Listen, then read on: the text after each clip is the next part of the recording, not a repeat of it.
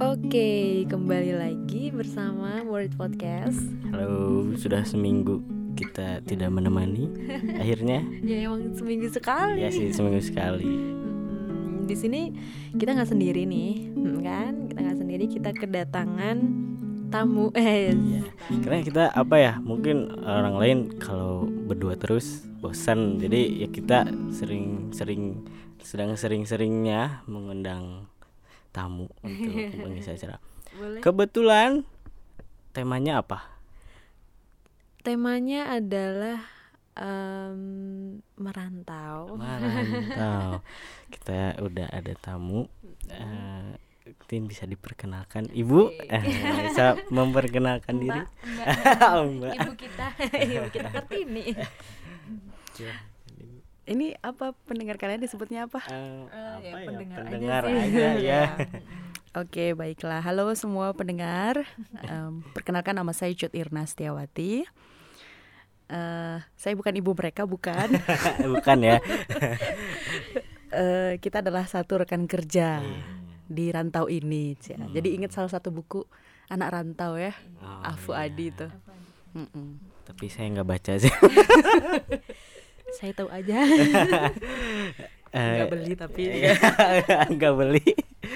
Jadi di sini karena mungkin saya yang apa ya pengalaman rantau tuh paling sedikit mungkin. Karena saya ya di Jawa Barat aja lah bisa dibilang gitu. Mungkin ada yang mau mulai duluan eh, pengalaman sharing pengalaman.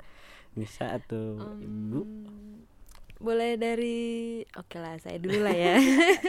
Monggo. Eh, alhamdulillah merantau sudah lima tahun. Tahun. Dari kuliah berarti ya? Mm, dari awal D3 Hmm. anak ingusan dari Solo. Lap dulu lap dulu. Lap dulu.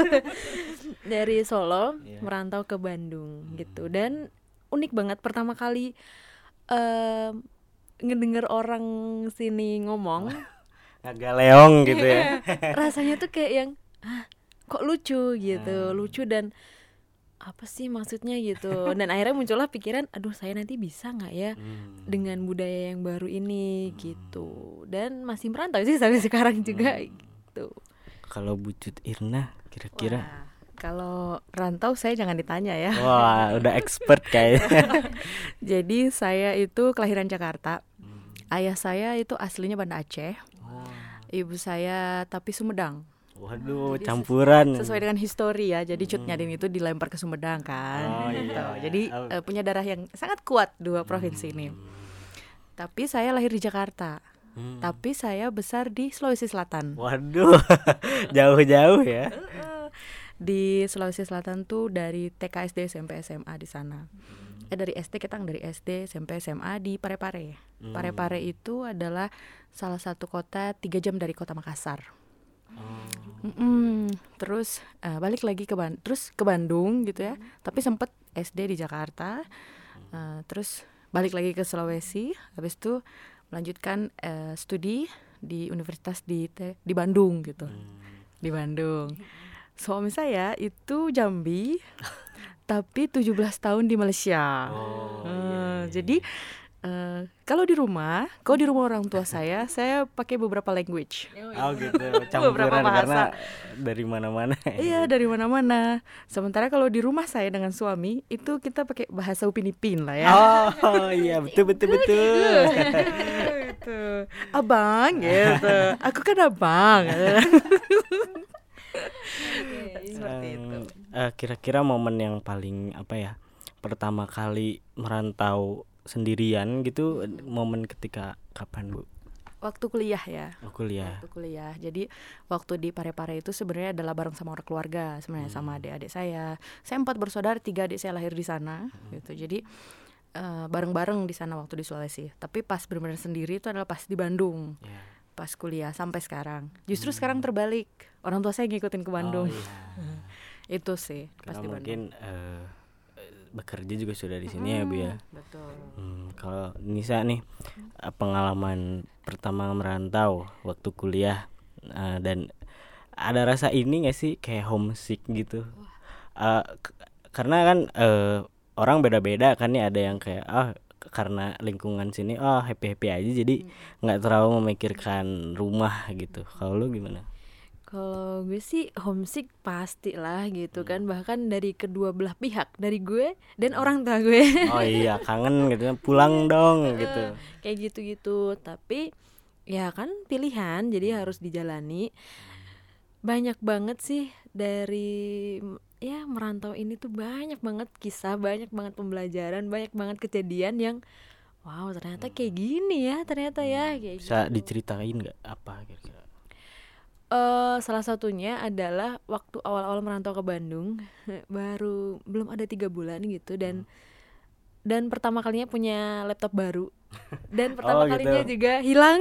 Ah, hilang? Iya gitu. Di situ eh, shock berat tertekan dan ya nggak tahu harus gimana gitu kan nggak tahu harus gimana. Kan harus bisa menyelesaikan eh, masalah sendiri maksudnya ya eh, mas- masalah sendiri karena udah merantau itu tadi kan. Tapi namanya itu kan barang yang sangat berharga gitu kan ya. Terus ya udah akhirnya nelfon orang tua orang tua sampai ke sini.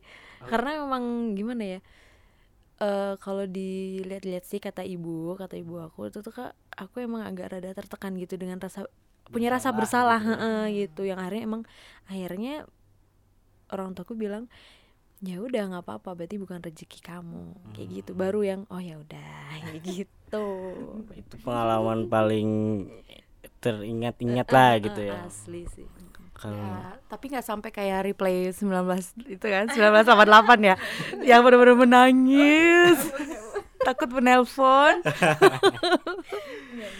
Kalau saya mungkin ya. Nah, jadi SD itu saya dari kelas 1 sampai 3 itu di Bandung, lahir juga di Bandung. Eh, ibu saya asli Bandung, tapi ayah saya campuran Cirebon Sumedang, eh deket-deketan lah gitu. Eh, ketemunya di Bandung, dikenalin lah, dicomblangin sama sahabatnya. Dan lahirlah saya. Eh, lalu ayah kerja di Sukabumi kebetulan waktu itu. Jadi sampai saya umur apa ya segitu saya lupa 7 apa 8 apa 6 gitu. Eh ayah saya bilang gimana kau pindah aja gitu karena kan capek gitu bolak-balik satu seminggu seminggu s- dua kali capek aja gitu sama sama kerjaan juga kan. Pindahlah ke Sukabumi. Nah sampai lulus SMK saya kebetulan di sana. Nah pengalaman saya itu merantau pertama kali itu waktu PKL kebetulan. Eh, jadi dipilihkan tempat apa ya tempat PKL-nya itu kebetulan di Jakarta. Nah seorang anak ingusan juga waktu itu apalagi baru kelas sekitar kelas 2 itu waktu itu tuh eh saya merantau ke Jakarta waktu itu di apa ya di daerah Cakung kalau nggak salah ya di Jakarta Timur. Dan eh, di perusahaan itu saya dapat apa ya job desk atau nanganin proyek yang ada di Jakarta Pusat gitu nah itu kan kayak wah pengalaman yang nggak apa ya yang bik- yang sangat sangat eh, bermanfaat buat saya sekarang gitu kan. Jadi kayak ke mana-mana tuh nggak takut gitu. Memang awal-awal saya malah tiga tiga hari itu bu. Aduh kangen rumah pengen pulang aja gitu. Nangis nggak? Nangis nggak? Di- kayak kan di mas di masjid gitu kan tidur aduh kangen nangis. Enggak nangis sih. Cuman kayak aduh kangen rumah gitu. Dari situ kayak eh, kerja kan eh tiap pagi berangkat pus ah, ke Jakarta Pusat sorenya pulang gitu aja hampir setiap hari gitu. Yang akhirnya kayak saya eh udah mandiri gitu dari sana. Ya apa ya ada rasa terima kasih juga gitu. Bisa diberi kesempatan buat eh PKL di sana gitu Jakarta lagi ya. Iya aduh. ada yang bilang katanya kalau kita pengen tahu dari live itu memang harus di Jakarta gitu. Keras kayak gula merah ya. Lebih keras dari ibu tiri ya. Ibu ibu kota lebih keras dari ibu tiri gitu. Eh, ini enggak eh, Bu Inong ada pengalaman siapa yang bu Inung itu? Oh iya lupa. Pakai panggilan akrabnya Bu Inong ya bucut ini ya, panggilannya Bu Inong kira-kira ada pengalaman yang enggak terlupakan nggak gitu waktu merantau. Banyak banget sebenarnya. Kalau ngomongin magang juga ya saya pernah hampir tiga bulan itu di Ciamis di tempatnya Ibu Susi. Waktu itu beliau belum jadi menteri sih nah di sana juga sendiri gitu ngekos gitu kan. Kalau dibilang pengalaman banyak ya banyak banyak banget malah. Pengalaman sedih bahagia. Cuma yang paling eh, apa ya istilahnya? Itu tuh karena waktu pertama kali pindah ke Bandung ya waktu di Sulawesi itu kota yang sangat tertib kota yang sangat quiet lah istilahnya. Kota yang berasa kalau di jalan itu tuh kayak punya sendiri itu si Oh, jalan iya. teh gitu ya. Nggak ada nggak ya nggak rame banget kayak di sini. Pas pindah ke Bandung eh, dan itu membabi buta gitu kan ya. Tapi kalau dulu nggak kayak sekarang kan bu ya? Kalau tapi sekarang? sama aja Oh, sama aja. maksudnya eh, macet tuh tetap macet gitu Hmm. waktu itu kan. Apa sih istilahnya? Saya orang yang eh, baik dalam time management. Hmm. tapi pas di Bandung tuh semua time management saya time management skill saya Hancur hancur lebur gitu. Oh ternyata harus selama ini saya men-spare waktu misalnya 30 menit sebelumnya kalau di Bandung. Men harus dua jam sebelumnya. Karena harus disesuaikan dengan kondisi. Itu sih sampai yang oh ya ampun segininya sih gitu kan. cuma ya seru juga. Waktu itu saya waktu apa PKMB gitu ya maksudnya seperti ospek ya. Itu kan harus punten punten sama hatur nuhun gitu ya. Budaya itu tuh yang diperkenalkan. Ini ya sih ibu saya Sunda. Tapi waktu kita di Sulawesi di sana kita bicara justru eh, bahasa logat sana gitu. Jadi nggak pernah nggak pernah berbahasa Sunda ibu saya gitu. Pas pindah saya sendiri di sini ngerantau punten gitu. Punten punten punten punten, punten. ternyata di situ saya mempelajari bahwa ya punten dan hatur nuhun adalah eh, basic banget gitu untuk orang Sunda gitu. Iya. dan bahkan kalaupun kita cuma bilang punten tau lah nggak kedengeran atau nggak enggak gitu ya. Kita sih cuma gambling gitu. Iseng lah. Punten kata sete gitu ya. Tapi terus Di rumah dibalas. gitu itu. Nah, di di rumah tetangga gitu ya rumah tetangga sebelah kosan gitu kan. Pada ngumpul nih kan harus bilang punten lah gitu. Punten. Saya tuh iseng gitu kan ya. Ternyata tuh didengerin mangga neng. Wah di situ saya takjub luar biasa gitu ya. Oh ternyata ya Iya. sangat friendly banget. Itu sih yang berkesan Hmm, karena orang Bandung apa bukan orang Bandung aja sih orang Sunda tuh terkesan lemas gitu. kalau jadi bos juga gak bisa tegas gitu kan. Beda sama orang kayak orang dari Batak gitu kan. Dia kayak gak segan apa sih emang wataknya udah gitulah ya. tegas. Kalau Nisa ada nggak pengalaman yang apa selama ini ya yang tak terlupakan aja yang paling berkesan tuh? Ya kalau tadi kan sedih ya Hmm, kalau senengnya itu adalah ini banyak temen dari berbagai budaya oh ya Nah, itu dia dari kayaknya Fadil kan dari Sunda Sunda. gitu kan. Terus ada banyak lah pokoknya Fajri gitu kan ya dari Padang, terus Sofi dari Makassar kayak gitu-gitu. Jadi kayak lucu gitu ngedenger mereka ngomong dengan bahasa lokal mereka tuh lucu gitu. kadang suka sengaja aja ngomong gitu eh apaan sih? Nggak ngerti gitu. jadi emang kadang ya nggak tahu kalau dia ngomongin juga nggak tahu ya. nggak ngerti lo ngomong-ngomong aja gitu. Hmm, tapi seru sih seru seru punya ternyata Indonesia tuh kayak banget gitu akan budaya budayanya gitu. Dan emang bener gitu. Dan lagi-lagi dengan merantau eh, kan lumayan lama ya lumayan menurut saya lama, lama sih lima tahun gitu. Ketika libur kan balik lagi ke Solo gitu kan ya. Kita ngobrol bersama teman-teman atau segala macem memang eh saya rasa sih pemikiran mungkin karena kita di sini kan memang harus bisa berpikir sendiri wah gimana saya harus menyelesaikan suatu masalah? Akhirnya waktu dibawa ke pulang tuh nyeritain tuh kayak oh oh kayak gitu ya ternyata ya gitu. Kamu bukan sih gitu. Ya, orang tua pangling serius, gitu. eh, ih, serius gitu. Dan sampai pernah ibu ibu saya sendiri bilang kamu selama di Bandung lima tahun tuh bener-bener positif banget eh, perkembangannya gitu. Jadi kamu jadi mandiri segala macem segala macem. Oh tapi sendirinya nggak sadar. Sendiri nggak sadar. Tapi ternyata orang-orang yang di sana bisa melihat perubahannya gitu. Mm-mm. ada sih apa eh, pepatah yang mengatakan bahwa apa merantaulah katanya ya. Iya. merantaulah maka Allah akan mengganti orang-orang di sekitarmu Iya. dengan teman-teman kan gitu. Dan ada juga yang Buya Hamka ya pernah eh, berpendapat bahwa orang cerdas itu orang bijak atau orang pintar itu pasti merantau. Karena kalau misalnya tidak seperti air dalam kolam kalau misalnya dia tidak merantau ya akan butek gitu. Tapi kalau yang merantau seperti air yang mengalir dia akan selalu jernih gitu. Jadi tenang aja merantau mah akan menggantikan saudara-saudara kita yang hilang atau keluarga kita yang di keluar dia apa di di hometown gitu ya diganti dengan orang yang sama sama baiknya malah. Makanya jangan jangan takut lah untuk merantau kalau walaupun memang sulit awalnya tapi pasti ya itu tadi yang dibilang ibu Cut wah emang kerasa banget gitu sama sama sama saya sendiri gitu. Kayak kemarin sebelum saya di sini kan saya terakhir tuh di apa ya kayak dapat rezeki nombok gitu. Saya dapat proyek Asian Games waktu itu dan itu eh, di Jakarta. Nah sangat berterima kasih juga sama pengalaman yang udah saya dapat waktu di PKL sangat-sangat terpakai lah gitu. Eh walaupun ya nggak tahu-tahu banget tentang Jakarta tapi seenggaknya udah pernah punya pengalaman ini nih ini. Jadi eh, buat buat temen-temen nih yang sedang merantau gitu. Atau yang berencana. Ah, ya yang merantau. berencana ingin merantau eh gimana? Ini men- menurut saya aja nih ya eh eh, apa ya jangan takut untuk memulai gitu. Karena eh nggak kamu nggak akan sendirian gitu waktu saat merantau. Pasti ada bakal ada orang-orang juga yang yang tadi eh, orang-orang tersayang yang di rumah tuh akan tergantikan sama yang di sini gitu.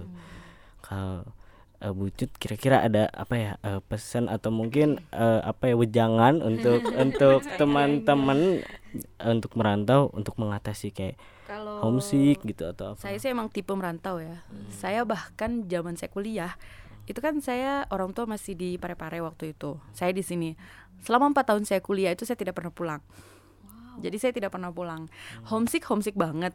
Cuma waktu itu eh, beranggapan saya sih ya orangnya. Tuh beranggapan bahwa kalau pulang tuh kalau nggak bawa apa-apa tuh segen gitu. Jadi ya saya saya akan mempersembahkan misal seperti gelar gitu nantilah kalau di akhir cerita gitu. Jadi baru kita kita pulang gitu. Jadi em, apa sih istilahnya? Memang harus dibulatkan tekad. Kalau homesick homesick tuh wajar pulang sesekali gitu. Lebih parah ayah saya itu. Ayah saya itu kan dari Aceh ya, dari SMA. Dia ikut sama orang. Biasa lah orang zaman dulu gitu ya untuk sukses dia harus berani keluar kampung. Padahal tipenya orang Aceh itu biasanya, apalagi Banda Aceh ya, orang Banda Aceh itu jarang merantau. Yang banyak merantau orang-orang Aceh yang kita lihat misalnya rumah makan mie Aceh atau apa segala macam tuh, kalau nggak orang Sigli, orang Pidi. Orang Bandanya tuh jarang. oh iya Jadi bahkan di keluarga besar ayah saya, cuma ayah saya doang yang merantau oh iya.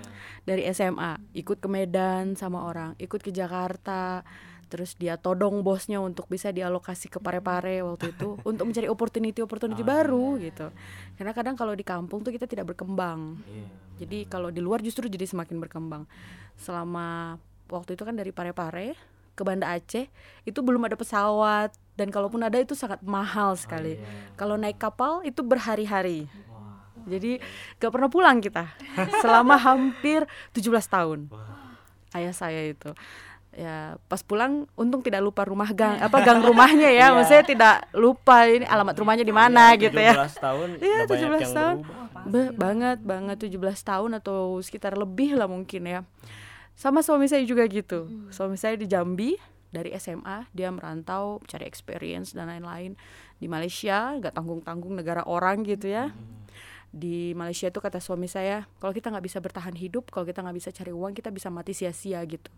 Apalagi Malaysia itu udah internasional pergaulannya udah sangat-sangat internasional.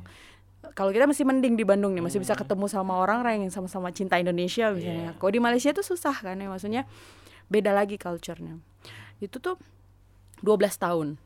Jadi bukan lagi Bang Toib ya sudah sudah sesepuhnya Bang Toib bukan tiga kali tidak le- lebaran tidak di Rumpung gitu ya tapi abangnya bang Toib Iya, Bang ya Bang Toib 12 tahun, 12 kali lebaran gitu ya, 12 kali puasa dan lebaran gitu. Sampai orang-orang kampung ini kamu, ini kamu, sampai untung dia tidak dicoret dari kakak gitu ya, kartu keluarga.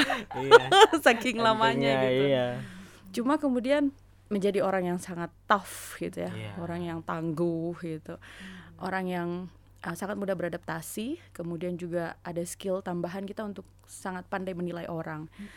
Karena kalau sudah dirantau itu kita menjadi semakin aware dengan diri kita sendiri tapi juga menumbuhkan skill kita bisa menilai karakter orang. Mana nih yang kira-kira best friend? Mana yang hanya mencari keuntungan dengan kita? Gitu sih. membuka pikiran juga ya Bu ya. sangat sangat membuka pikiran gitu. Dan eh ini sih patut dicoba tuh merantau Iya. tuh. Mm-mm, walaupun cuman mungkin deket ya kayak Fadil gitu kan. Hmm. masih sama-sama Jawa Barat gitu kan tapi ngekos lah gitu. Ya Atau- ngekos lah jauh dari orang tua gitu. Sendiri. gitu. Bahkan jujur sih saya sekarang ketagihan loh merantau.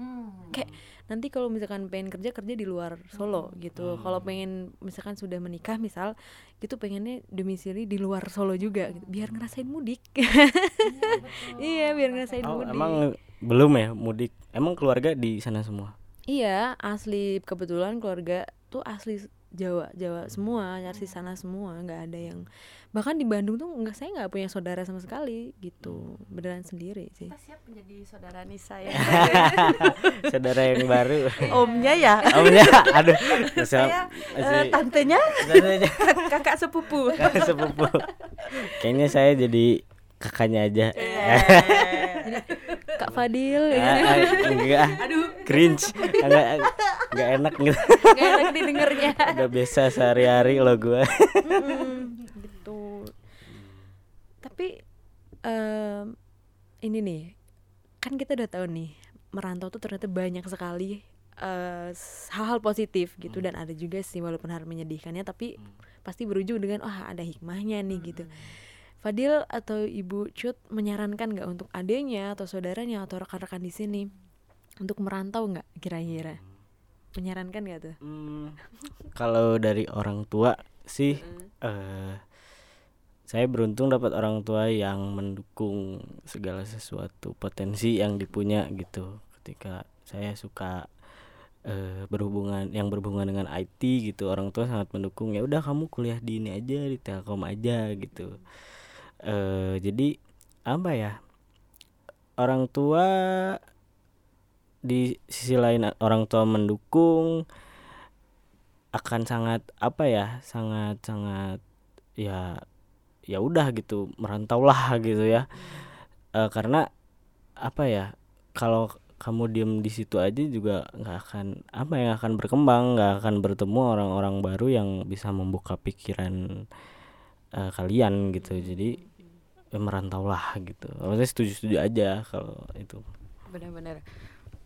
Setuju sebenarnya ya merantau. Cuma memang eh ada kalau dari perspektif keluarga gitu ada baiknya memang harus ada yang salah satunya stay. Kalau misalnya kita bicara ya untuk menjaga parents kita orang tua kita. Kalau kayak saya tuh empat bersaudara kalau laki-laki pasti akan merantau.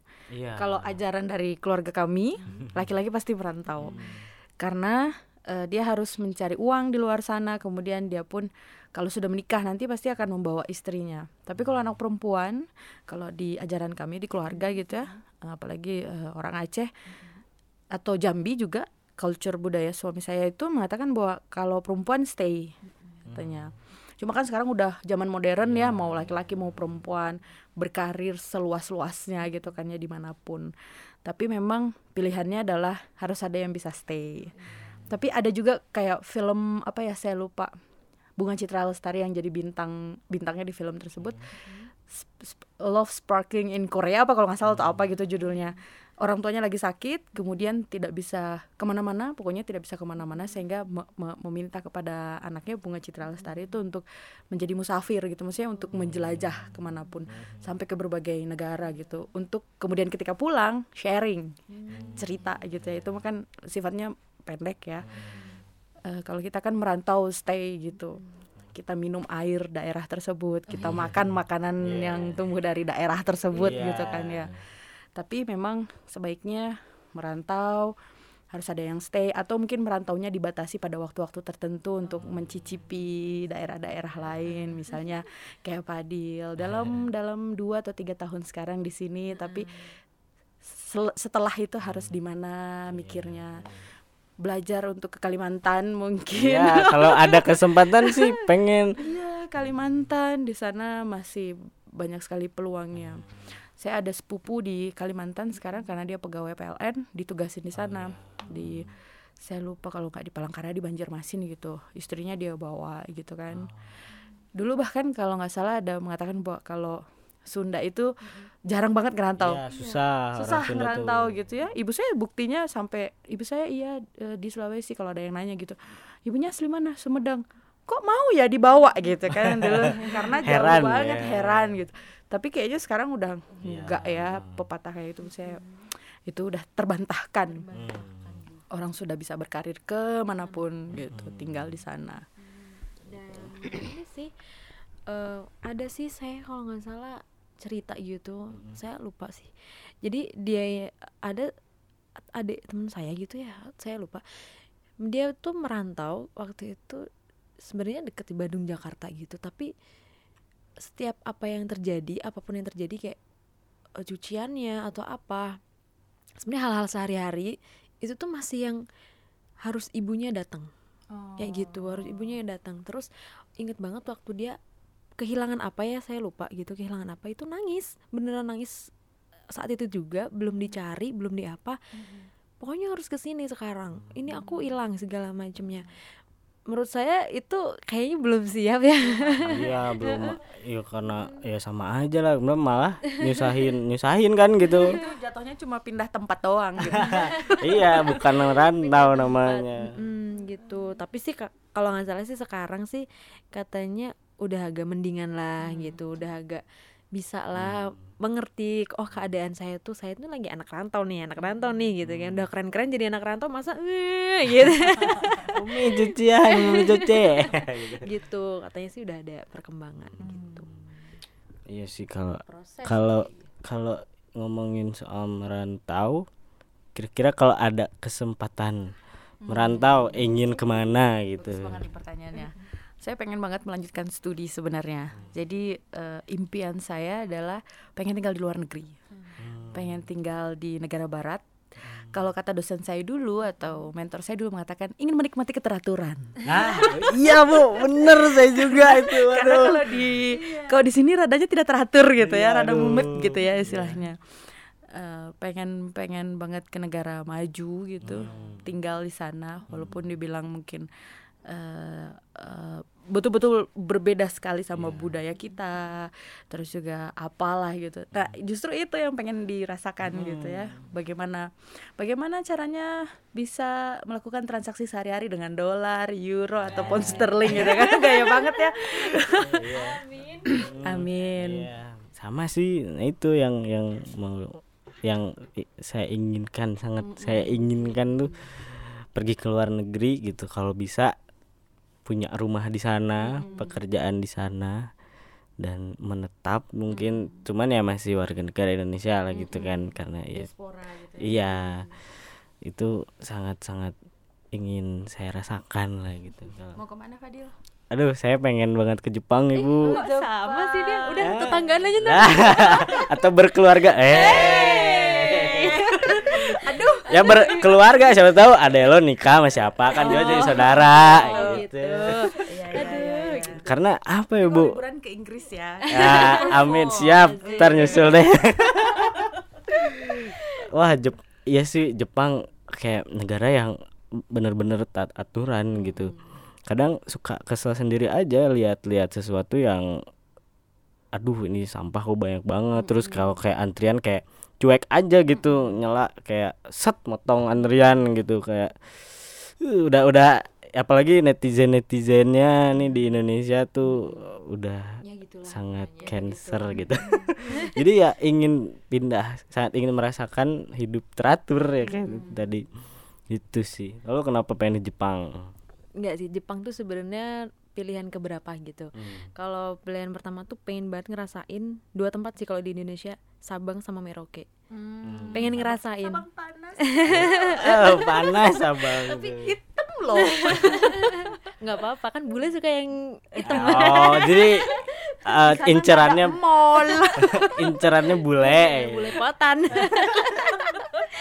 Gitu. Pengen merasakan aja sih gitu. Wah di ujung dan di ujung. Abis itu baru pengen keluar. Ya ke Jepang itu tadi. Gitu. Teknologinya pengen di dirasain Sabang tuh, di Sabang tuh ya mm, dengan populasi yang tidak terlalu banyak sebenarnya.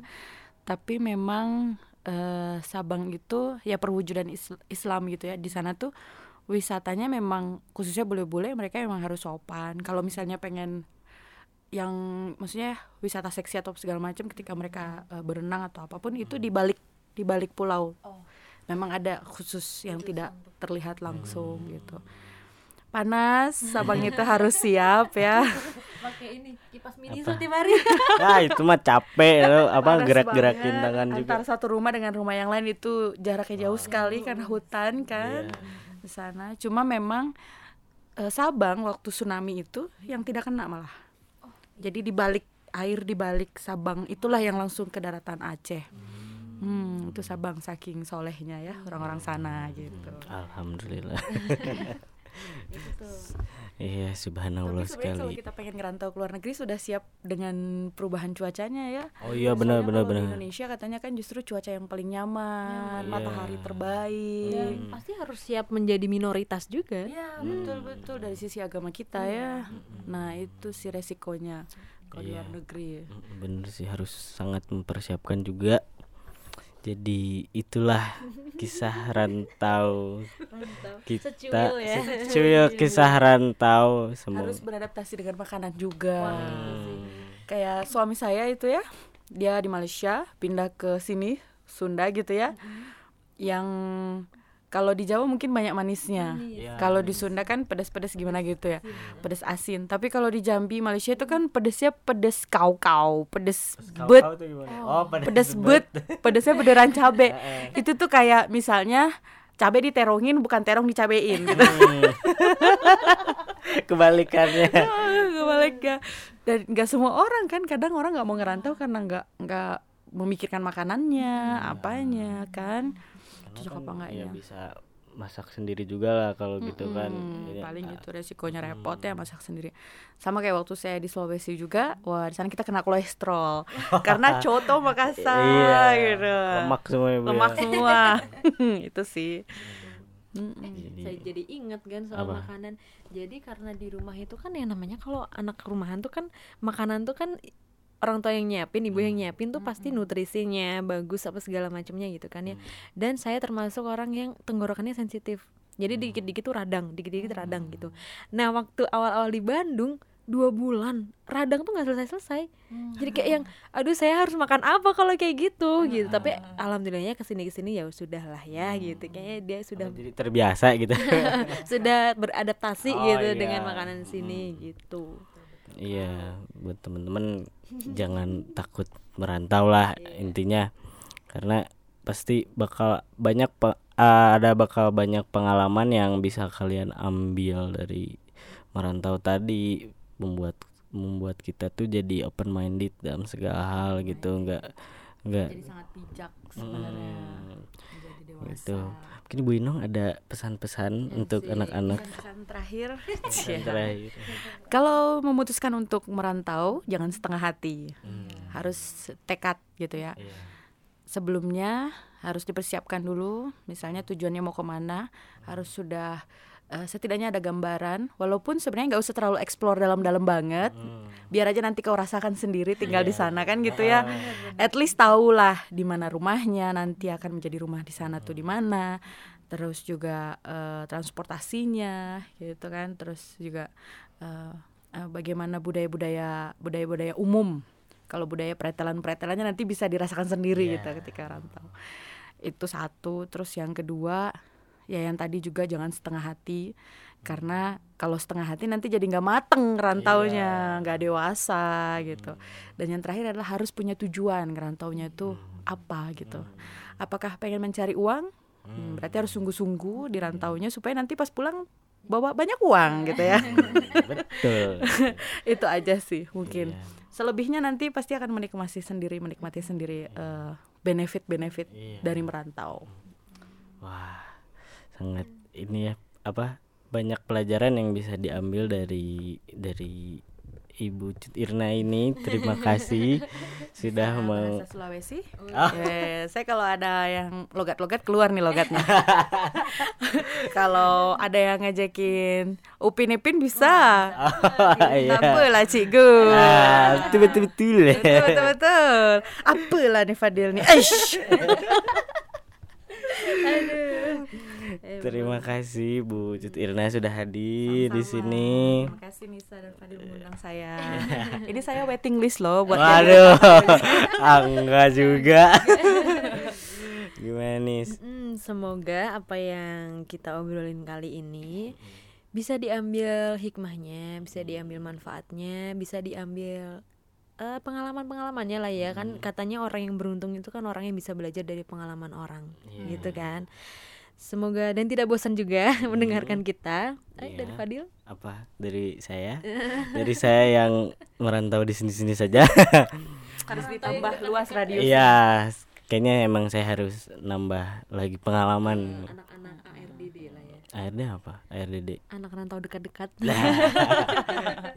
Itu Atau mungkin harus punya kecengan yang orang seberang. Aduh.